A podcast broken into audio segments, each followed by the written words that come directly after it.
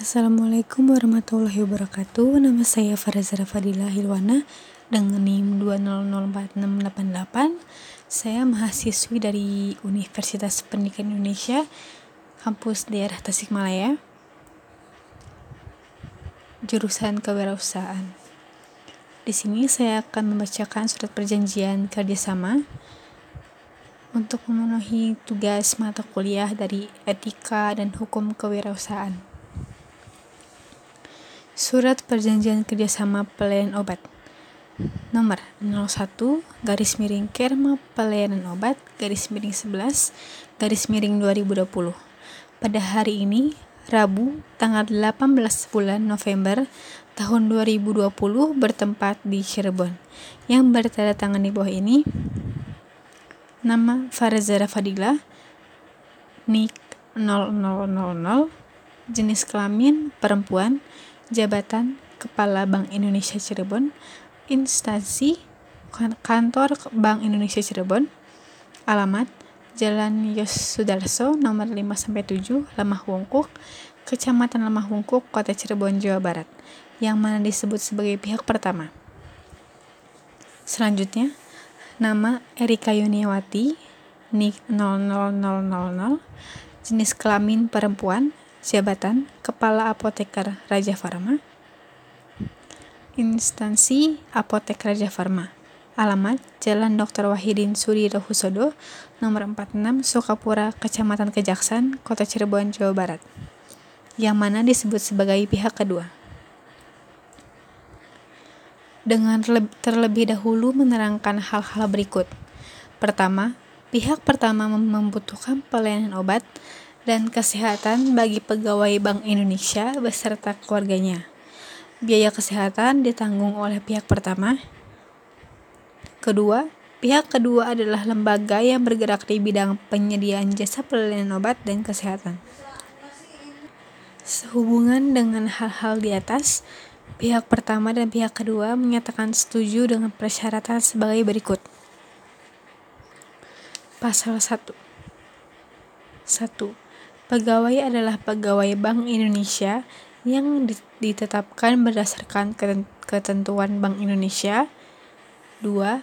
Keluarga adalah istri atau suami dan anak yang sah dari pegawai yang biaya kesehatannya ditanggung pihak pertama. Pasal 2. 1. Memberikan pelayanan obat bagi pegawai Bank Indonesia dan keluarganya. 2. Menyampaikan informasi yang diperlukan oleh pihak pertama sehubungan pelaksanaan pekerjaan. 3. Melakukan koordinasi dan kerjasama yang baik dengan pihak pertama. 4. Pihak kedua menyediakan tenaga kerja yang kompeten dan fasilitas yang memadai. 5. Pihak kedua bertanggung jawab atas pelayanan obat bagi pegawai dan melaksanakan pelayanan obat atas resep dokter. 6. Pemberian obat oleh apotek mengacu pada ketentuan tata cara pemberian dan penggunaan obat yang ditetapkan oleh pihak pertama. 7. Memberikan penjelasan yang lengkap mengenai jenis, jumlah, dan cara penggunaan obat berdasarkan aturan pakai yang berlaku. Pasal 3. 1. Hak dan kewajiban pihak pertama. Yang pertama, Pihak pertama berhak untuk meminta pihak kedua melaksanakan pelayanan obat secara baik dan benar. Kedua, pihak pertama berhak untuk meminta pihak kedua mengirimkan data jumlah pemakaian jenis obat oleh pegawai atau keluarga kepada pihak pertama. Tiga, pihak pertama berhak untuk menolak tagihan apabila tidak sesuai dengan ketentuan perjanjian. Empat, pihak pertama berkewajiban untuk memberitahukan pihak kedua data dari daftar pegawai dan keluarga dalam bentuk soft copy. 5. Pihak pertama berkewajiban membayar tagihan obat sesuai harga jual apotek yang telah disepakati. Kedua, hak dan kewajiban pihak kedua. Yang pertama, pihak kedua berhak untuk menerima pembayaran dari pihak pertama. Yang kedua, berhak untuk meminta daftar pegawai atau keluarga dalam bentuk soft copy. Yang ketiga, Pihak kedua berkewajiban untuk melakukan pemeriksaan identitas sebelum pemberian pelayanan obat. 4. Pihak kedua berkewajiban untuk melakukan pekerjaan sesuai dengan ketentuan dan tata cara pemberian dan penggunaan obat. Pasal 4. 1. Pihak kedua mengajukan tagihan pembayaran setiap satu bulan sekali kepada pihak pertama. 2. Pihak kedua melakukan penagihan pembayaran obat dengan mengajukan surat tagihan kepada pihak pertama. 3. Pihak pertama akan menyelesaikan tagihan dalam jangka waktu 14 hari setelah berkas tagihan diterima dan benar. Pasal 5. 1. Jangka waktu perjanjian ditetapkan selama 2 tahun terhitung dari ditandatanganinya perjanjian ini. 2.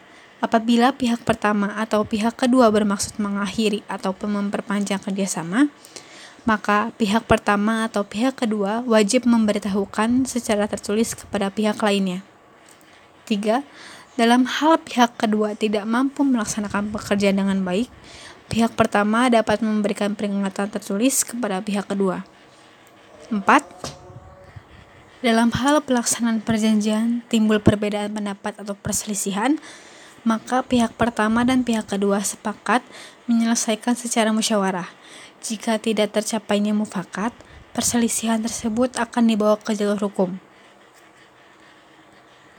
Perjanjian ini dibuat dan ditandatangani oleh pihak pertama dan pihak kedua di Cirebon pada hari, tanggal, bulan, dan tahun sebagaimana tersebut pada awal perjanjian. Perjanjian ini kami buat dengan penuh kesadaran dan tanpa adanya paksaan dari pihak mana pun. Cirebon 18 November 2020 Pihak pertama Farazara Fadila, pihak kedua Erika Yuniawati sudah ditangan sudah ditandatangani materai 6000. Terima kasih. Sekian dari saya. Wassalamualaikum warahmatullahi wabarakatuh.